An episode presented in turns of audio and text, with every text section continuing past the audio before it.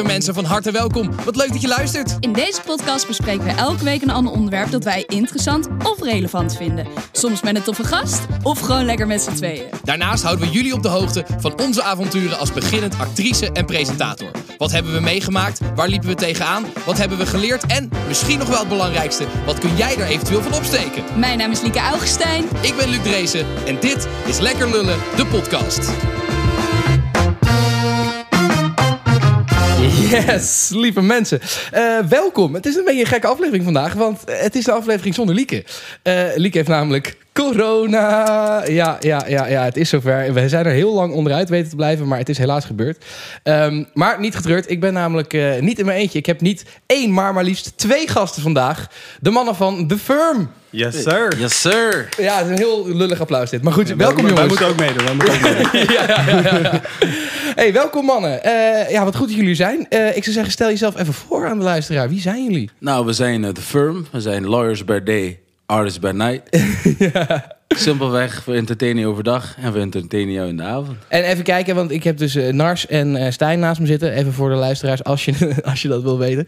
Ehm, en ja, jullie zijn inderdaad dus een DJ-duo. Dat is even goed om te weten. Ja, ik dacht namelijk, eh, we hebben het de laatste tijd wat vaker gehad over het feit dat ik ook DJ ben. Dit, het voelt alweer fucking een eeuw geleden dat ik gedraaid Voor ons heb. ook, voor ons ook. Ja, ja, ja. Maar ik dacht, het is leuk om een keer de DJ-duo uit te nodigen. En ja, wij hebben de laatste tijd eh, vaak leuke politieke discussies gehad. Dat ook. Ja, dat ook ja. nog. dus ik dacht, het is tijd om jullie uit te nodigen. Hoe, hoe is het met jullie jongens? Wat zijn jullie aan het doen nu? Want eigenlijk is voor, natuurlijk voor, ja, voor ons eh, als eh, mensen die op film zijn, zeg maar, was het al kut. Maar wij Ja. mogen af en toe nog werken eigenlijk. Maar voor DJ's is het misschien nog wat allerkut, deze hele situatie. Ja, precies. Ja, ik denk, als je het vergelijkt met waar wij vorig jaar mee bezig waren... als je gewoon een jaar geleden keek, dan was het gewoon vijf shows per weekend. Nou, trouwens, vorig jaar was het ook al corona. Maar normaal was Ja. het drie shows per weekend. Tours in Italië, de oud en nieuw, zes shows. Dus dat, dat is er nu niet. Maar ik ben zelf, ben ik bijvoorbeeld mijn scriptie aan het schrijven nu. Dus daar hebben we iets meer tijd voor. Ja, Eh, Nars heeft nu werk zelfs. Traineeship. Ja. that's good. En eigenlijk in, in de leemte van de shows die we niet meer hadden. Weet je wel, we hebben nog wel eens radioshows gedaan. In corona, livestreams. Maar ja, dat haalt het natuurlijk net niet bij het echte werk. ja. Maar eigenlijk in de leemte, en daar waren we al mee bezig. Maar dat heeft nu echt een grote vlucht genomen. Doen we nu de firm Consult. En dat is Ja. eigenlijk ge- legal consultancy aan eigenlijk creatievelingen in de breedste zin van het woord. Ja, want dat is denk ik goed om te vertellen. Dat is ook een van de redenen. Waar komen we straks eh, nog op, heel uitgebreid op terug. Maar een van de redenen dat ik jullie heb uitgenodigd. Jullie zijn dus inderdaad eh, een DJ-duo, dus entertainers. Maar aan de andere kant zijn jullie ook ja, lawyers. Dus eh, ja, gewoon advocaten eigenlijk, eh, om het zo maar te zeggen. Ehm, dus jullie hebben inderdaad ook gewoon een, een vak gestudeerd, om het zo maar te zeggen. Ja, zeker. At least we try. Nee, Ja, nee we, hebben he- het wel, we hebben wel echt gestudeerd. ja, ja. ja nou, jij bent nog aan het afronden dus. Ja, oké. maar Ja, ik voel je, ik ben, ik ben net klaar. Dus. ja, precies. maar hoe het, wat jullie hebben dus, denk ik, letterlijk al eh, anderhalf jaar niet gedraaid. Of hebben jullie in de zomer wel nog een beetje kunnen draaien? Nou, we hebben echt voornamelijk gewoon echt streams gedaan en, en radio-optredens. Dus bijvoorbeeld bij Ja. 3FM en Funix zijn we wel een paar keer in de uitzending geweest. Maar het was meer van, onze shows gedraaid echt om energie. Heb je gewoon publiek en interactie bij nodig. Dus we hadden zoiets van, als we op bijvoorbeeld een terras of dat soort setting zouden gaan draaien... Ja, dan halen we het niet Ja. eruit waarom we het doen. Dus- Nee, dat, Ja, dat ja. is ook niet waarom we zijn begonnen. En ik moet zeggen, nu kriebelt het wel. Misschien zou ik nu wel een terrassetje doen. Ja, Maar in ja. eerste instantie lokt het ons gewoon niet zo... omdat het niet echt is wat wij doen. Maar we hebben toevallig met Koningsdag... hadden we een soort silent disco show. En uiteindelijk was er wel wat publiek... en dat voelde toch wel weer heel goed. Ja. Dus ja, ik denk dat we voor ons beiden spreken... dat we niet verwachten dat er echt heel veel gaat gebeuren deze zomer... Maar als het gaat gebeuren, dan is de firm al ready. Dat wel. Ja, ja, ja. ja, ik moet ik had al afgelopen zomer heb ik wel nog af en toe inderdaad op het terras gedraaid. Maar dat was wel het allertegenstrijdigste wat ik ooit gedaan heb. Want dan ben je dus aan het draaien en dan gooi je zeg maar een goede plaat. En dan is het, oké, je moet nu weer een kutplaat draaien, want dan gaan mensen weer zitten. Dan, was Ja, ja, ja, dan ben je precies, een soort van, in plaats van dat je elke keer beter, beter, ben je een soort van goed, slecht, goed, slecht. Goed. Dus het slaat natuurlijk helemaal nergens op. Ja, precies. Ja. Wat voor shows deden jullie? Wat voor clubs draaiden jullie? Wat voor festivals eh, voordat jullie eh, in corona terechtkwamen? Ja, eigenlijk, eigenlijk alles. Eh, als je het hebt over Amsterdam, draaiden we veel in de Supper, veel Ja. in de Jimmy. eh, Air, eh, Chicago Social, hoogtepunt. Vlak voor corona was onze eerste optreden in Paradiso. Oh, hard. Dus dat was echt sick. Ja. En festivals deden we gewoon door heel Nederland. Van Solar tot aan We Are Electric. Tot aan de- Ja. België, Italië, Frankrijk af en toe. Dus ja, echt alles. Ja. Ja. En wordt, wordt dat ook weer, komt dat ook weer snel terug, denk je? Ben je bang dat je een soort van die, die vibe die je toen had, dat die kwijt is door corona? Of denk je dat dat wel weer gelijk terugkomt? Nou, het ligt er heel erg aan. Ik, ik hoop eigenlijk dat wanneer het weer kan, dat mensen gewoon die energie die ze soort van hebben opgekropt van binnen zit en zo, dat het gewoon in één klap eruit komt. Ja. Nou, al- als dat het is, dan, dan kan het best wel zo'n katalysator zijn, waardoor je weer eigenlijk weer heel snel weer op het niveau kan zijn Ja, Ehm, als zeg maar voor corona. Maar ja, het, het zal echt afhankelijk zijn hoe, hoe de vaccinatie eigenlijk gaat lopen. En of het goed aanslaat en of er geen gekke variant komt in het najaar. ja, ja. ja. Eh, stiekem hoop je het wel natuurlijk. Want het is toch het allervetst om te doen. eh, Ja. Optreden en gewoon shows doen. Zijn er alweer boekingen binnen? Ja, er komen nu wel weer boekingen binnen. En dat is elke keer zo'n heel tegenstrijdig gevoel. Weet je Ja, wel? ja, ja. Dan, dan kijk je zo in je agenda. hey, festival met mij. Dan denk je van, gaat toch niet door. weet je wel? Ook, ook als je kijkt naar het, volgens mij eind juli, augustus, september, staat er volgens mij bijna ieder weekend iets. Maar wij gaan er nu gewoon vanuit van we kijken pas in die agenda als we Rutte horen zeggen dat het door mag gaan. Ja, want anders ja, ja, ja. zijn we ons alleen maar aan het opvreten van shit, oh, dat zou echt sick zijn, dan gaat het niet door. Ja, ja, ja, ja. Nee, dat snap ik wel. Maar jullie gaan er dus stiekem een beetje vanuit dat het niet, niet gaat gebeuren deze zomer nog. Lastig. Ik denk juli of zo, dat wordt, want dat is twee maanden. Dat zie ik gewoon niet zo gebeuren. Eh, ik denk als er iets doorgaat, zou het wel festivals zijn. Want clubs is gewoon lastiger beheersbaar. Maar misschien augustus, september, who knows. Alleen, het is meer voor ons van, we willen onszelf vooral niet teleurstellen, weet je wel? ja. En wat, jullie hebben dus wel het geluk in dat, in dat opzicht dat jullie niet alleen DJ's waren, maar ook daarnaast andere dingen deden. Eh, hoe is dat een beetje gegaan dat jullie door corona dat hebben kunnen opzetten? Nou, we, we deden het eigenlijk... Het is eigenlijk een beetje begonnen naast onze artiestencarrière. We hebben gewoon alle twee rechten gestudeerd. Ja, En naarmate wij meer in de muziek scene kwamen en sowieso überhaupt in de creatieve scene, kwamen steeds meer mensen tegen die tegen ons zeiden: Hey, jullie doen toch rechten? Kunnen jullie niet een keer naar een contract van mij kijken? Ja, ja, ja. En zo is het voor ons begonnen. Wij zijn gewoon begonnen als: Hey, kun je niet een keer een contract voor mij checken? ja precies. Met weinig specifieke kennis. Maar ja, we hadden wel. Weet je, we, we hebben onze studie altijd goed gedaan. We haalden er ook veel extra's uit. ja. En dat deden we toen voor mensen. En toen op een gegeven moment zijn we daar echt een specialiteit in gaan opbouwen. ja. En zijn we dat dus eigenlijk ook meer in de vorm van een bedrijf gaan doen. En eerst was het gewoon lastig, omdat je gewoon een master ernaast deed. En dus vier keer in de week draaide, plus nog met muziek bezig was, Ja, weet ik ja. veel wat. Dus je had niet altijd tijd ervoor. Mm. En eigenlijk in corona, hoe gek het ook klinkt, was er heel veel werk. Juist ook voor eh, juristen die artiesten en uh, nou, Ja. creatievelingen in het algemeen bijstaan. En daarmee is ons bedrijf eigenlijk ook heel natuurlijk meegegroeid. ja, precies. Ook omdat we die tijd Ja, ervoor ja. hadden. Hey jongens, ik, eh, ik hoor op de achtergrond een eh, muziekje aankomen. Het is tijd voor, eh voor Liekes Lulkoek. Ah, je lult, man. Nee, ik lul niet. Ah, je lult, man. Nee, ik lul niet. Ah, je lult, man. Nee, echt, ik lul niet. Liek, je lult, man. Nou, dan geloof je het niet. Ja, Liekes Lulkoek. Ik zal hem even uitleggen, jongens. Eh Lieke vertelt normaal gesproken altijd heel veel hele sterke verhalen.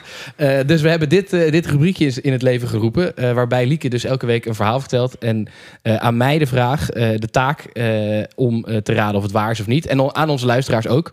Het enige is natuurlijk dat Lieke er vandaag niet bij is. lastig, dat is een beetje lastig. Ehm, en ik weet dus ook niet, zit ik nu opeens te denken... ik heb helemaal niet aan haar gevraagd of het vorige verhaal waar was. Oh. Dus dat, dat is een beetje een, een. Dat is nu even een beetje lastig. Dus we bewaren de, de, de, de, de uitslag van vorige week. Bewaren we voor de volgende aflevering als Lieke er weer bij Dubbele is. cliffhanger. Ja, het wordt nu een heel rare dubbele cliffhanger. Ehm, maar we hebben wel deze week een verhaal. Want Lieke heeft wel gewoon vanuit haar eigen huis eventjes een, eh, een verhaaltje op, eh, opgenomen. Ehm, dus daar gaan we even naar luisteren. De lulkoek van deze week. Oké, ehm, oké, ja, dit is wel echt een, eh, een heel ziek verhaal. Eh, maar goed, ik woonde net in Amsterdam met, eh, met wat vriendinnen van mij. En ik weet niet waarom, maar het leek me gewoon grappig om een vriendin van mij een beetje te chockeren. Ehm, toen heb ik op een bordje gepoept. Eh, wat gênant. Ik heb op een bordje gepoept en op haar bed gezet. Met daarbij een briefje: Enjoy your dinner, honey. Ja, dat is eh, Wat is, de lulkoek van deze wijk. wat is dit nou weer voor een verhaal? Het is, op, het is opeens niet meer jammer dat ze er niet bij is. Als het waar is. Als het waar is. Eh, ja, weet ik veel of dit waar is. Eh, ik vind het in ieder geval een heel sterk verhaal. Wat denken jullie? Denken jullie dat dit waar is? Ik denk dat het waar is. Ja, ik denk eigenlijk ook. Want het punt het is, het is, het is zo absurd. Het is zo random. Dat moet het waar zijn. Maar het had ook wel details, weet je wel. Van een bordje en een briefje erbij. Ja. Ik weet niet... Ja. Normaal zou je dan gewoon zeggen, als je het niet te sterk wil laten zijn, dan zeg je gewoon, ja, ik had, op, ik had ergens op gepoept. En Ja. Dat was het. ja. Zoiets. Het is waar. Het was wel heel Ik- ik- specifiek Ik, ik, inderdaad. zeg ook waar, ja. Ja, en ik ken Lieke Langer wel vandaag. dit, zou zij, dit zou zij gewoon zo, dit zou zij gewoon zomaar kunnen doen. Dus, dus ik denk dat het waar is. Eh, ja, lieve luisteraar, ehm, als jij denkt dat het waar is, woensdag komt er weer eh, in onze stories, at Lekker Lullen, de podcast, ehm, komt eh, deze, eh, dit verhaal weer, weer terug. En kan jij stemmen of je denkt dat het waar is of dat het leukhoek is. Ehm, goed jongens, ik, eh, ik denk dat het tijd is eh, voor het onderwerp van vandaag. Ze hadden wel een ukulele, maar ze konden er niet op spelen. Toch is er wel een onderwerp en dat onderwerp dat is... Hey mannen, we gaan het eens hebben over, ja, over, over rechten eigenlijk. Want dat is iets wat... Ja, je hebt volgens mij... eh, Jullie hebben het allebei al een keer ge- gezegd vandaag. ehm, dat, dat eigenlijk heel veel creatieven zich eigenlijk niet zo bezighouden met... eh, ja, met hun rechten, om het zo maar te zeggen. En dat ze het vaak inderdaad zien als iets heel engs om daar, eh, om daar be- mee bezig te zijn. Terwijl het wel iets heel belangrijk is, want eigenlijk stiekem is het waar je geld mee verdient. Als, eh, als acteur, als, als presentator, maar ook als, als DJ of als, eh, als, als muziek, eh, muzikant, artiest, wat dan ook. Zeker. Ehm, dus ik vond het eigenlijk wel interessant om jullie daar, daarvoor uit te nodigen en daar eens over te hebben. Want jullie vertelden net al, jullie doen dit dus vaker voor andere creatieven. Ja. Ja. Ja. Voor heel veel artiesten is een, naar een jurist of een advocaat stappen is best wel een grote drempel. Vaak hebben mensen Yes. het idee van, oh, je gaat naar de advocaat als je Ja. bent aangehouden of zo. ja, ja, ja. Terwijl er ook Wat je ook moet doen. Wat je ook moet doen. zeker waar, zeker waar. Advies nummer één. Ja, En niks zeggen tegen de politie, dat is ook belangrijk. Dat is ook belangrijk. Ehm, maar dat natuurlijk ook gewoon eh, juristen en advocaten je ook kunnen helpen om juist iets te voorkomen.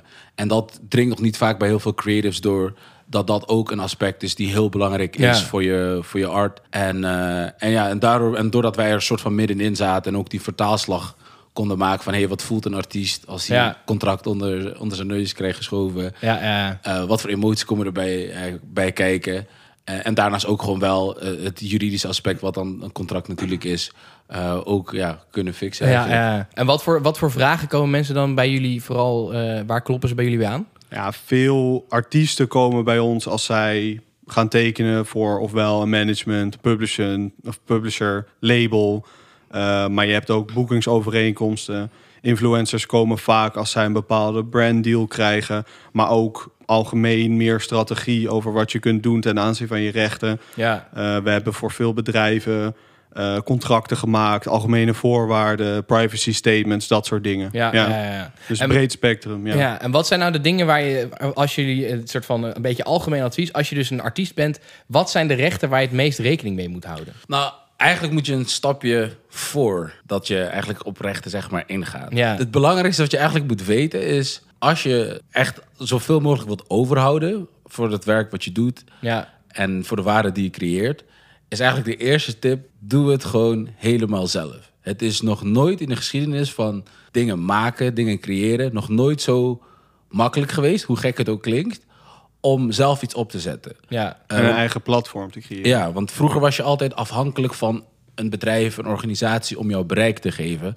En door social media heb je tools om bereik te krijgen. En bereik betekent automatisch dat je op een gegeven moment mensen aan je kan binden. Dus Ja. een soort van een fanbase kan creëren. En vanuit die wisselwerking kun je in principe een bestaan zeg maar, opbouwen. Ja. Um, als, als creative. Ja. Ja, en misschien goed daarbij om te zeggen, want als je het hebt over waarom is het dan makkelijker? Als jij kijkt 20, 25 en eerder dan dat bijvoorbeeld in de muziek. Stel je voor, jij bracht een album uit en je, je had een album opgenomen. Hoe kreeg je dat bij de mensen? Nou, dat moest of gedrukt worden op een plaat, of het moest op een cd of op een cassette. En bijna niemand had die productiemiddelen. En degene die dat hadden, waren Ja. de labels. Ja. En ook het opnemen van het album zelf. Dat moest gewoon in een studio gebeuren. Ja. Terwijl nu kun je gewoon een laptop... Je hebt een laptop nodig, je crackt FL of weet ik... Ja, mag niet, maar weet je, dus er zijn Maar blijkbaar zijn nou mensen... juristen die dat... Nee, dus, hey, hey, er zijn blijkbaar mensen die dat doen. Ja, ik heb ja. geen idee wie dat zijn. Maar weet je wel, dus Ja. in, in dat opzicht is het makkelijker geworden. En zelfs, eh, nou ja, we, we hebben het over jullie. Jullie zitten meer in de media, film, presentatiewereld. Ja. Vroeger was het, je kon presenteren bij de tv. Je kon acteur worden in een film. Ja. Tegenwoordig kun je YouTube, zoals dit, een podcast. Weet je, de, de drempel is gewoon een microfoon. En dat kan zelfs met je iPhone worden opgenomen. Tegenwoordig zit er zelfs succes in dat je het maar zo met miniem mogelijke middelen doet. Ja. Dus wat dat betreft is er heel veel mogelijk. ja, alleen is het dus wel, je, je- zeker als je dus begint met bijvoorbeeld een YouTube of dat je zelf je muziek op Spotify gaat knallen, dan zit er wel vaak minder, minder geld in, om het zo maar even te zeggen. Ja, zeker. Dus dan moet je wel nog Dus- een manier vinden om er geld mee te verdienen. Ja, en ik denk dat het, wat, wat Nars net ook al begon te beschrijven, raakt denk ik aan de filosofie die wij als bedrijf hebben. Dus denk het eerste punt is, en daar moet je gewoon over nadenken als creatieveling, is kan ik het zelf doen? Heb ik iemand anders nodig? Ja, En als je tot de conclusie komt, hey, er zijn bijvoorbeeld interessante partijen waar ik iets mee kan, of ik heb hulp nodig bij bepaalde dingen, dat het dan de key is, vraag, of nou eigenlijk, eh, het begint bij het besef dat als jij een externe partij erbij krijgt, dat je dan ook moet snappen dat je dus in ieder geval waarschijnlijk een gedeelte van bijvoorbeeld je inkomsten af moet staan aan die partij. ja, En daar wordt altijd over gesproken alsof dat iets heel negatiefs is. Maar eigenlijk is het een soort wisselwerking. Oké, iemand anders gaat ervoor zorgen dat jij bekender wordt, meer geld gaat verdienen, betere filmrollen krijgt, Ja. een album meer bereik krijgt. En dat eigenlijk wordt dan de trade-off van... oké, iemand doet dat voor mij Ja. en ik geef hem een gedeelte van mijn inkomsten. Dus dat Ja. hoeft ook niet iets negatiefs te zijn. Dus eh, het begint bij dat besef van... je beseft dat het een trade-off is. Dus ja, je levert iets in, maar hopelijk krijg je er ook wat voor terug. En dan is denk ik soort van het derde punt... waar je dan komt als je ergens gaat tekenen... Win altijd juridisch advies in. En het liefst bij een gespecialiseerde jurist dan wel advocaat. ja. Weet je wel, want je kan iemand van vroeger van eh, de basisschool kennen die nu recht heeft gestudeerd. Maar dan is het de vraag, als hij strafrecht doet, kan hij jou niet iets heel zinnigs Nee. gaan vertellen over Ja, hoe ja, jouw royalties van je album zouden moeten lopen, weet je wel. Dus probeer het wel gespecialiseerd te doen, maar laat dat ook echt checken. Want soms weet je, er zijn ook mensen die er zelf meer van af weten. Maar het is toch je persoonlijke situatie. Dus dan is het best lastig om het helder te zien en om alle aspecten van iets te zien. Ja. Omdat het echt, het gaat over jou. Ik heb passie voor muziek maken of acteren. Ja. Dus dan wil je dat gewoon zo goed mogelijk regelen. En een jurist kan dat over het algemeen wel net wat beter overzien dan dat jij dat kan. Ja, want ja, je, Nars, jij zei net inderdaad, hè, je probeert zoveel mogelijk zelf te doen, want dan krijg je uiteindelijk hou je het meeste over. Wat zijn dan de dingen als je dus, dus voor jezelf dingen wil gaan fixen, waar je goed op moet letten? Ik heb bijvoorbeeld zelf een vriend van mij die, eh, die heeft een keer, die- toen hij echt net begonnen was met presenteren, heeft hij een keer een video gedaan voor een of ander voetschimmelmerk of zo, waarbij hij dan soort van daar iets over moest vertellen. En toen, zeg maar, als je jong bent en als je net begonnen bent, dan heb je heel erg de neiging om te zeggen van, fuck it, ik ga alles aanpakken en ja, ik ga het doen. Voetschrift. Eh, ja, en voordat, even- maar voordat hij het wist, heeft hij dus voor, eh, voor, voor 100 euro, weet ik veel, gewoon een klein bedrag die video opge- opgenomen. Niet nagedacht over eh buyouts, over zijn rechten, dat soort dingen. En vervolgens mag die, dat merk gewoon eindeloos die video gebruiken. En staat hij nog steeds Ja. op het internet met die video. Eh, dus wat zijn dan de dingen waar je dus, ook als je dus net begonnen bent en misschien nog niet bij een label zit of niet een jurist hebt die erop let, waar je goed over na moet denken? Nou, ehm, allereerst is het dus op het moment dat je ooit een contract krijgt, eh, of het nou een deal is voor een campagne, precies zoals je net zegt met die voetschimmel of, eh, of whatever, ehm, is stap 1, wat, wat Stijn eigenlijk net aangaf, ga naar een jurist toe. Ook al je er geen, gebruik internet, Ja. Google, eh, zoek ons op, maakt niets uit, maar haal expertise naar binnen. Ja. Vaak is het zoiets van, oh, het kost geld, het kost moeite, is het de moeite waard? Het antwoord is 99 van de 100 keer is het antwoord ja. Omdat als het fout gaat, dus of iets gebeurt wat je niet wilt, zoals Ja. bijvoorbeeld wat je net aangeeft, eh, ja, dat ze nog steeds dat gebruiken en je wilt het eigenlijk niet meer of je Ja, kan, kan, daar je er niet meer vanaf. kom je er niet meer vanaf. Maar ja, aan de andere kant, als je dan maar 100 euro verdient met zo'n klus... en een jurist kost misschien ook al 100 euro... dan verdien je dus niks meer met die klus. Nou ja, er zijn dus verschillende kantoren. Je moet altijd het idee brengen en je kan altijd in overleg gaan. Ja, En een fatsoenlijk jurist die weet wat hij waard is en die weet ook wie naar hem toe komt. ja, En als het een beginnend artiest is, een beginnend creator, dan kan hij ook begrijpen van, kan hij zelf een afweging maken van, ga ik het wel doen of ga ik het niet doen? Omdat hij begrijpt van, hé, hey, dit is jouw startpunt. ja. Maar je kan over drie jaar kan je op een heel ander niveau zitten. En het is Ja. vaak de eerste deals die je eigenlijk tekent als maker, dat is ook een hele goede tip. Die zijn eigenlijk het gevaarlijkst ja. omdat die nog zijn voordat je ontploft. En heel vaak als een partij naar je toe komt, zeggen ze: hey, je bent nog een nobody. eh, weet je wel? Ja. Maar ze zien wel potentie in je. En het moeilijke aan een creative zijn is, is dat je nog niet altijd door hebt hoeveel potentie je in huis hebt. En wat nu de realiteit is, kan over een jaar weer heel anders Ja. zijn. En dat is ook het lastige, denk ik, als creative. Omdat het heel moeilijk is wat jouw waarde is. Ja. Welke waarde Ja, het voelt ook een beetje gek, toch? Als je dus zeg maar inderdaad net begonnen bent om dan helemaal zo'n lijp contract, soort van, Ja. voor- als ik voor mezelf spreek, de eerste, nou, ik denk misschien wel twintig klussen die ik gedaan heb, eh, had ik geen contract.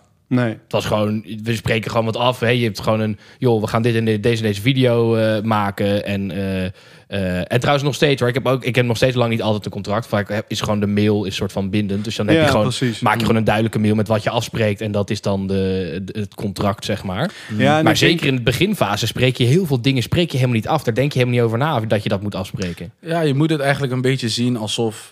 Kijk, wat, wat artiesten en creators vaak fout doen, is ze zien zichzelf niet als een bedrijf. Ja, Je moet jezelf eigenlijk zien alsof jij de Gewoon allergrootste... een nieuwe iPhone bent of zo. Precies. Gewoon, je, Ja. hebt, je bent Apple, je bent Snapchat, je bent Google. Dus je moet jezelf zo beschouwen, want je hebt zelf geen idee wat je over vijf jaar, tien jaar kan zijn. ja, Dus elke deal, elke samenwerking die je aangaat, moet je dat altijd in je achterhoofd hebben. ja. Want op het moment dat je dat niet doet, dan ga je jezelf niet serieus nemen. En op het moment dat je als partij niet serieus neemt, dan gaat de andere partij dat ook niet doen. Ja. En soms is het inderdaad, voelt het heel gek aan, omdat je denkt van, hé, hey, ik, kom- ik kom net om de hoek om kijken. Maar één deal kan soms zoveel schade hebben dat het je hele Ja. carrière achterna blijft, eh, blijft komen. Ja. Dus de eerste tip die wij sowieso geven is, let op de duur van de overeenkomsten die je aangaat. Dat is Ja. super belangrijk. Ja. En, en misschien nog om daar heel even op in te haken. Want, want wat jij zegt over, oké, waarschijnlijk heb je helemaal niet een contract. Meestal gaat het gewoon over de mail.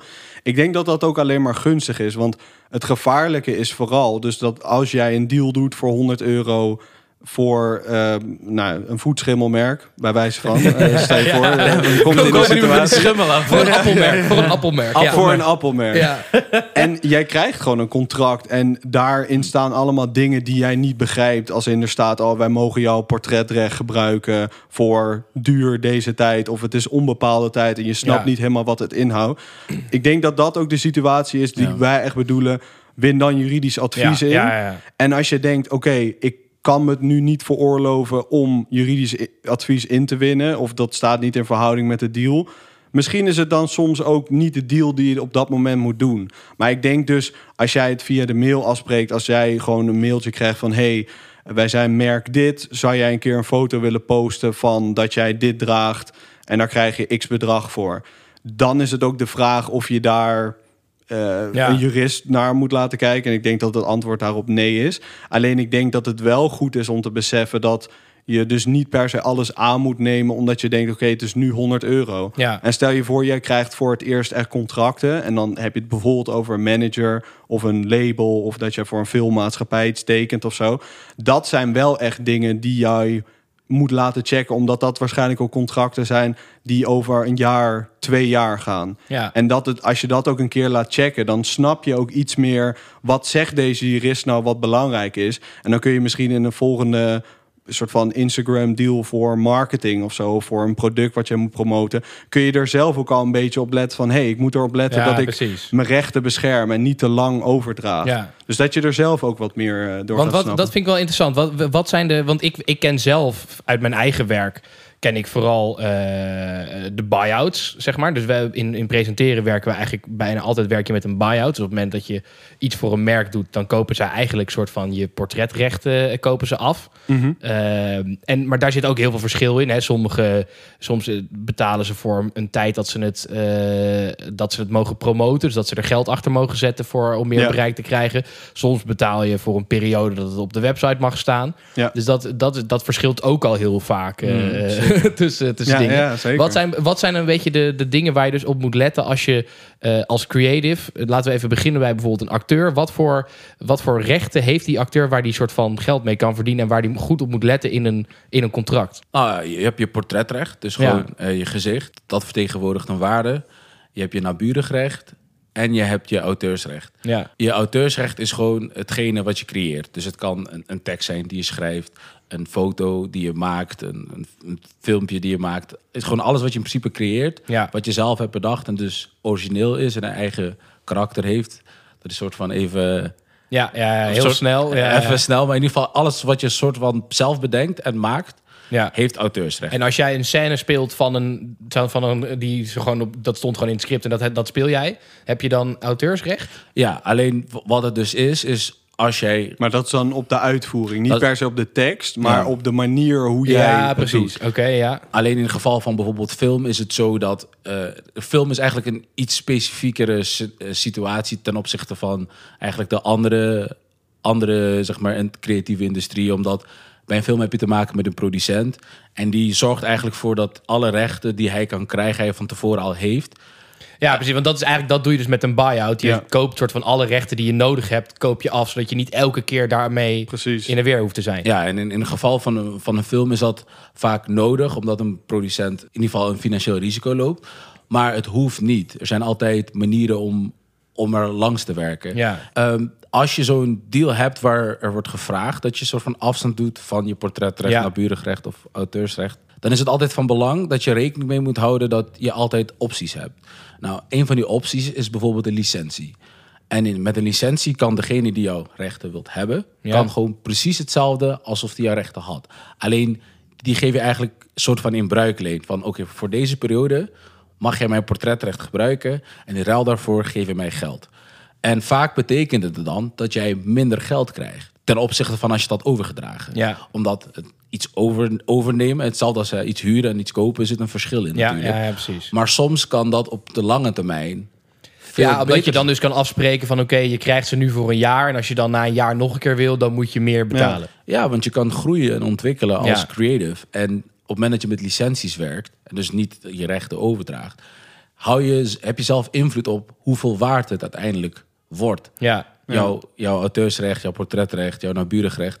En dat is iets wat, ja, waar heel veel creators niet bij stilstaan. Van, Nee, ik denk dat ik heb het zelf denk ik ook. Als ik eh, heel vaak wat je ziet bij vooral veel in de filmindustrie, is dat je gewoon zo'n eh, zo'n soort van eh, zo'n wat noem je een eh, hoe noem je dat ook alweer? Dat je zeg maar, dan krijg je zo'n formulier van ja, dit moet je even tekenen en dan sta je, dus- dan schrijf je eigenlijk al je rechten weg. Ja. Eh, God, hoe heet het nou?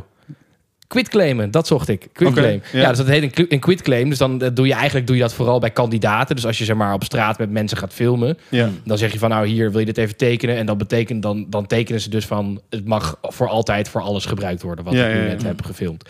En stiekem wordt dat ook best wel vaak dan dus gebruikt voor acteurs of presentatoren die dat dan gewoon onder hun neus krijgen van nou dit moet je nog even tekenen dat we het mogen gebruiken. Ja. Maar dan geef je dus eigenlijk voor altijd je rechten weg. Ja, en, en wat je ook heel goed moet begrijpen, als je vanuit het perspectief van een label, van een producent, van een eh, eh, omroep, is dat logisch dat ze dat doen. Ja, ze willen het liefst natuurlijk gewoon zo min mogelijk gezeik. Ja, Ja. tuurlijk. Ja. Dus dat kun je ze ook niet kwalijk nemen. Dus het ligt bij jou. Jij bent erbij als je het tekent. Als jij het tekent en je stelt geen vragen, gaat geen gesprek in, Ja. dan hoor je vaak achteraf van, ja, ik wist niet wat ik tekende, maar je hoefde het niet te tekenen. En, Nee. en daarom is het ook belangrijk, als je een voorstel krijgt, teken het nooit meteen. Neem het mee naar huis. Vraag het aan iemand na. Bespreek het. Je hoeft niet alles te weten, dat kan niet. Want niet iedereen heeft rechten gestudeerd. Nee, Dat is- precies, ja. Wacht, misschien twee hele goede situaties om te benoemen. Als iemand jou een contract onder de neus geeft en zegt teken het meteen, is vaak geen goed teken. Dat, is, dat is gewoon de red flag. Van, Ja. Oké, misschien moet je dit niet tekenen. Ja, ja, ja. En een tweede is, als het te mooi is om waar te zijn, is het vaak niet waar. Ja, En als je die twee combinaties aan hebt, moet je gewoon piepende banden. dan moet je gelijk Dat is wegwezen. een beetje het verhaal van Lieke. dit. Zo te, te vies is om nee. Ja, en, en, en dat is vaak wel heel belangrijk. Want vaak zie je, of je nou kijkt naar welke creative dan ook, als ze te maken hebben met een, met een derde partij, Ja, zeggen ze vaak van, hé, hey, ze hebben me genaaid en zo, weet je wel. Maar je bent er zelf bij. En, Ja. dat, en dat, dat wat we bedoelden met... je moet jezelf beschouwen alsof je Apple bent, alsof je Google bent. Ja. En dan zou je jezelf afvragen, als jij Apple was... je stel voor je was Steve Jobs, je was in deze situatie... had je Apple zo weggetekend? Hell no, had je Nee. nooit gedaan. Nee. En op Alleen, denk een soort van de nuance daarbij is wel dat het, omdat het over jezelf gaat, dat het soms moeilijk is om dat volledig rationeel te zien. Ja, En, en, en wat je gewoon vooral hebt als, als, als, eh, als creative, eh, om die term maar te gebruiken, ehm, is natuurlijk dat je het gevoel hebt van ja, ik moet doorbreken, ik moet alle kansen aanpakken. En heel veel, heel veel mensen vinden het heel moeilijk om nee te zeggen tegen dingen. Dat Dus- herkennen wij ook. Dus dan, ja. heb je, hè, dan, dan krijg je een, een, een aanvraag voor een of ander. Eh, in mijn geval dan voor een, voor een video. En dan denk je, ja, kut, ik, eigenlijk betaalt het net te weinig. Maar dan ga je het toch doen, omdat je gewoon denkt, ja, maar ik moet Mhm. wel dingen blijven maken. en Ik moet wel me bewijzen, zeg maar. Ja, zeker. Dus die, die, en, die- en, en dat is denk ik ook niet erg. Alleen denk ik dat het dan gewoon goed is om wel een begrip te hebben van... oké, maar wat... eh, want in principe als je het nu doet en je doet een video... en ik denk niet dat er zoiets als slechte reclame is tegenwoordig. soort van als jij een hele slechte video of zo... dat kan je misschien nog bijna populairder maken... dan iets wat heel goed in elkaar zit. Ja, dat, dat is Ja, gewoon tegenwoordig zo. Dus ik denk ook niet dat dat zo zwart-wit is van... nou, je moet het niet doen, want ja, wie weet is dit niet helemaal jouw brand. Ja. Want wat jij nu doet, hoeft ook niet te bepalen wat je over twee jaar doet. Ja. Alleen ik denk dat het wel goed is om af en toe in de gaten te houden van... het kan het wel bepalen. ja, of, als je of nu echt sluit, niet het, heel sluit erg, het eh, geen ja. dingen uit. Van, stel je voor, jij wil echt in een bepaald type film spelen... En dat je dan nu allemaal reclames gaat doen die daar haaks tegenover staan. weet je wel? je hebt het nu denk ik ook met waarde. Dat jij dus soms als acteur eh, bijvoorbeeld in film speelt... die heel erg bepaalde politieke onderwerpen aankaart of zo. Ja. Als jij dan, eh, weet ik veel, als jij iets over iets heel vrijs doet... maar je gaat wel bij wijze van de dingen... De, hoe zeg je dat? De reclamefilmpje van de FVD opnemen. Ja, dat zou misschien wel kunnen wringen later. Ja. En ik, de vraag is ook of je dat dan gaat doen. En het is ook een extreem voorbeeld. Maar ik denk dat dat goed is om in de gaten te houden. Ja. Dat het dus niet op lange termijn dingen uit gaat sluiten... die jij wel misschien wilt doen. Oké, nou goed, dan hebben we denk ik wel een paar goede, goede adviezen eh, al met al. We hebben dus eigenlijk drie soorten rechten waar je als creative een beetje rekening mee moet houden. Je portretrecht, je naburig recht en je eh, auteursrecht. Mhm. Wat is eigenlijk, wat, die hebben we volgens mij nog niet gehad, hè, het naburig recht. Nee, je, je naburig recht, dat hoor je vaak ook in de muziek, wordt vaak de, je masters genoemd. Dat gaat eigenlijk om een finale product die op, met naast je auteursrecht zeg maar, benodigd is geweest om iets te creëren. Dus een goed voorbeeld. Stel voor, wij schrijven nu een liedje Ja, en we verzinnen een melodie op en zeggen van we gaan het zo en zo zingen, dan zit er auteursrecht op. ja, Maar vervolgens naar de studio gaan en zeggen: wij gaan het nummer die we net hebben gemaakt, gaan we nu opnemen. En, en weet ik veel, een, een grote studio zegt: hey, je kan het bij ons in de studio doen. Een studio huren kost 1000 euro. Ik betaal het voor jullie. Neem het lekker op. Vervolgens hebben we het liedje echt daadwerkelijk opgenomen. Dan heb je eigenlijk twee rechten. Je hebt hè, de tekst die we hebben geschreven en de melodie die we op verzonnen hebben. Daar zit het auteursrecht op. ja. En je hebt de finale opname, die wij vervolgens naar Spotify kunnen doen, op YouTube kunnen uploaden. Daar zit de master recht Ja. op. Dus dat is je naburig recht. Ah, ja, dus dat is eigenlijk als op het moment dat dus inderdaad een label zegt van wij gaan betalen voor jouw opnames. Ja, Ja, of dat is- degene, degene die het betaalt. Kan ook jezelf zijn natuurlijk. Dat, Ja. is, dat is in principe het uitgangspunt. Dat degene, en dat geldt dan vooral voor muzikanten eh, met masterrechten, Ja. dat degene die betaalt voor de opname, dat dat ook degene is die de master-eigenaar Ja. wordt. Dus als je kijkt naar eh, afgelopen jaar 2020 is er best veel ophef geweest voor grote artiesten over masterrechten. Je had Kanye West die zijn contract had Ja. gepubliceerd. Je had Taylor Swift die heel veel gedoe had omdat haar masterrechten waren verkocht Ja. aan Scooter Brown. En Martin eigenlijk- Garrix heeft het ook gehad. eh, ja, precies. lang. En eigenlijk de loophole die je daar dus zag, is dat zij was eigenaar van dus de melodieën van haar nummers, de Taylor teksten Swift van haar gaat het nummers. Ja, precies. Taylor Ja, ja, Swift. Ehm, en daar was zij gewoon eigenaar van. Alleen dus de rechten op de opnames, dus daadwerkelijk Ja. soort van het, het liedje zoals het op Spotify staat, dat werd verkocht. En eigenlijk de loophole die zij toen heeft gedaan, is dat zij alles dus opnieuw gaan opnemen. Dus eigenlijk nieuwe Ja. masterrechten creëerde. En die waren van haarzelf. En dat kon ze doen omdat ze de auteur zich had over de tekst, Ja. melodie.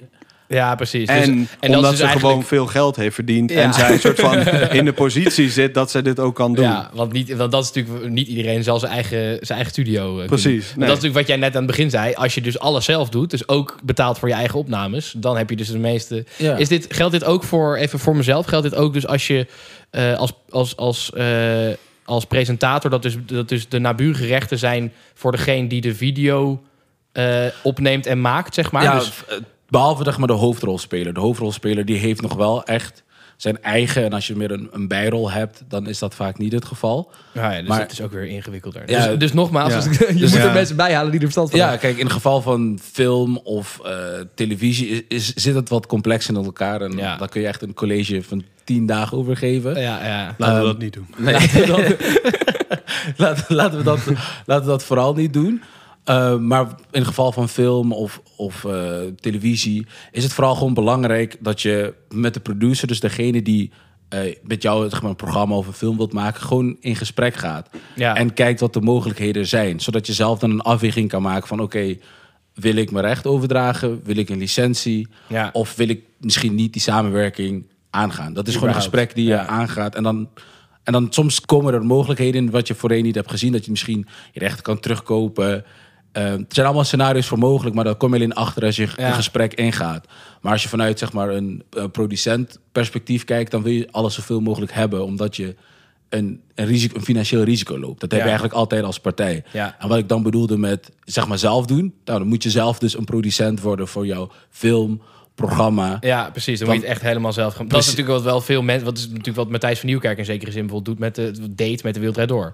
Dat hij op een gegeven moment ook de producent werd van Wildrijd Door, waardoor hij ook weer meer betaald kon krijgen en weer meer rechten had. Ja, nou, Ja, precies, Ja. precies. En, en vaak is het gewoon een proces waar je soms ook in moet groeien. Want tegenwoordig als je als creative, eh, in wat voor scene je ook eigenlijk begint, moet je naast goed zijn in hetgeen wat je doet, moet je ook een marketeer zijn, moet je verstand hebben van social media, moet je verstand hebben van data, moet je verstand hebben van communicatie. Er komt gewoon superveel bij kijken. Dat is natuurlijk het nadeel. Als je alles zelf gaat doen, dan moet je dus ook dat soort dingen zelf gaan doen. En dan, ja. Nee, precies. Maar waarom het, eh, waarom het zo belangrijk is om het eerst zelf te doen, is dat je ook weet wat de toegevoegde waarde is Ja. van personen die je erbij haalt. Ja. Omdat als jij zelf een programma hebt gefilmd, eh, bijvoorbeeld nu ook met een podcast hebt opgenomen, en je besteedt het uit en zegt van hé, hey, waarom doe je het zo? Ik weet dat het zo en zo kan. Ja, ja, je bent ja. nu raar bezig. Ik betaal je nu eigenlijk onnodig. Ja. Ja. Of te veel bijvoorbeeld. Ja. Dus eh, dat zorgt ervoor dat je ook echt gaat inzien van... hey, wie maakt mijn leven echt makkelijker... waardoor ik me kan focussen Ja. op hetgeen wat ik wil doen. Ja. En het beste manier om erachter te komen is als je het zelf doet. Ja, het is Ehm. grappig. Ik doe dit, dit, dit, dit doe ik precies met mijn boekhouding.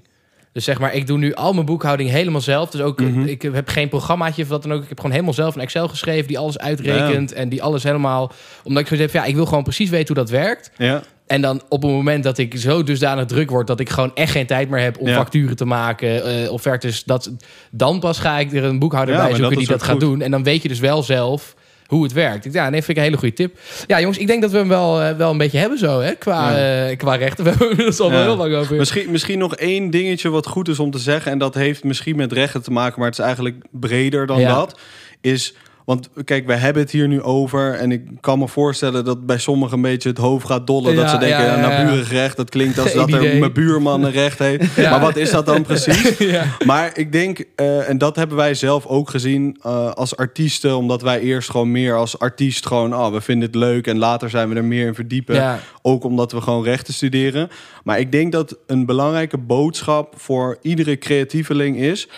Zorg dat het niet eh, iets is wat jouw passie voor of je nou acteert of muziek, dat je dus je afkeer voor oké, ik wil het niet over contracten hebben of ik heb geen zin om een advocaat in te huren, dat dat jouw passie wegneemt voor hetgeen wat je leuk vindt. Want we hebben zo vaak gezien met influencers, artiesten, acteurs, dat zij in een situatie komen, of dat nou een management deal is, of dat nou een label deal is, waarin zij niet meer hun creatieve ei kwijt kunnen. En dat ze daardoor eigenlijk een beetje beginnen te haten of niet meer leuk vinden Ja. waarvoor ze in eerste instantie de scene in zijn gekomen. Ja. En dat kan dan beginnen met dat er gewoon een contract niet goed is of dat ze met een partij in zee zijn gegaan die niet belooft wat zij willen doen. En, Ja. en dat is wat wij altijd proberen uit te dragen. We helpen ook artiesten die problemen hebben met labels of met een deal of zo waar ze in zitten.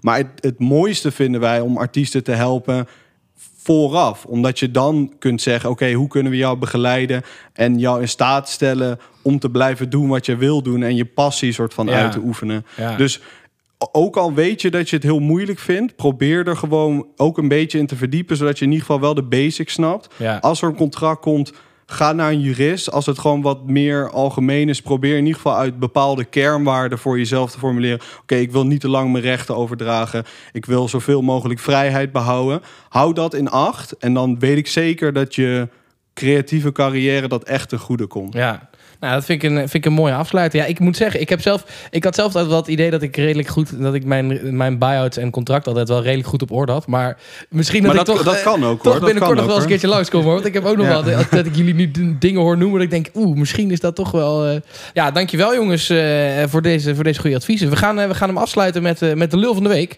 Oh ja. Ja, elke, elke week natuurlijk eh, iemand die de lul is. Ehm, en eh, van Lieke mag ik nooit, eh, mag ik nooit politiek in. Dus ik dacht, deze week ga ik het wel doen. Maar dit was ook wel, eh, ook wel een reden daarvoor. Eh, ik weet niet of jullie het mee hebben gekregen, maar vanochtend, het is vandaag vrijdag als we dit opnemen. En vanochtend stond in de krant, eh, in de Volkskrant, een artikel over. ehm, ja, dat er, er zijn nu jongeren die. Eh, die stiekem coronavaccinaties krijgen, die dan zeg maar, eh, ja, dus die bijvoorbeeld doen alsof ze een aandoening hebben en dan gewoon proberen maar aan te melden. Nou goed, dat is natuurlijk niet helemaal netjes, maar daar krijg je dan nu dus in de media een heel, ja, eh, een, hele shitstorm overheen van ja, ze proberen voor te dringen en, ehm, en vandaag en daarom is, is, is dat vandaag de lul van de week. Hugo de Jonge die sprak de legendarische woorden: ja, je bent een eikel als je probeert voor te dringen bij Ja, mooi. vaccinaties. Ja, ik weet niet. ik ben er gewoon. Ik, we hebben het hier in onze podcast wel vaak over gehad. Ik ben gewoon helemaal klaar met die toon van de overheid richting jongeren, waarin het elke keer maar een soort wijzend vingertje is van ja, Ja. jullie doen het fout en jullie zijn, eh, zijn de oorzaak en de, de, de, de, de klootzakken, de eikels in dit geval dus. Ehm, en wat we ervoor terugkrijgen is he- precies helemaal niks. Dus ik ben Nee. daar gewoon een beetje klaar mee. Dus ik dacht, ja, eh, Hugo, je bent zelf een eikel. Of eh, beter gezegd, een lul van de week. Ehm, goed jongens, eh, ik wil jullie heel erg bedanken dat jullie waren vandaag. Yes. Dankjewel. Ehm, misschien goed om even te zeggen, als mensen nou denken, net zoals ik, van joh, ik wil misschien wel een keertje een juridisch advies bij een deal of iets dergelijks. Waar kunnen ze jullie bereiken? Het makkelijkste is om ons te mailen op info@thefirmconsult.com. Ja, En daarbij geldt natuurlijk ook de uitnodiging. Mogen de clubs, festivals weer open gaan? Zoek de firm op een line-up en sta vooraan en zeg... Hey, ik heb jullie gehoord op Lekker Lullen.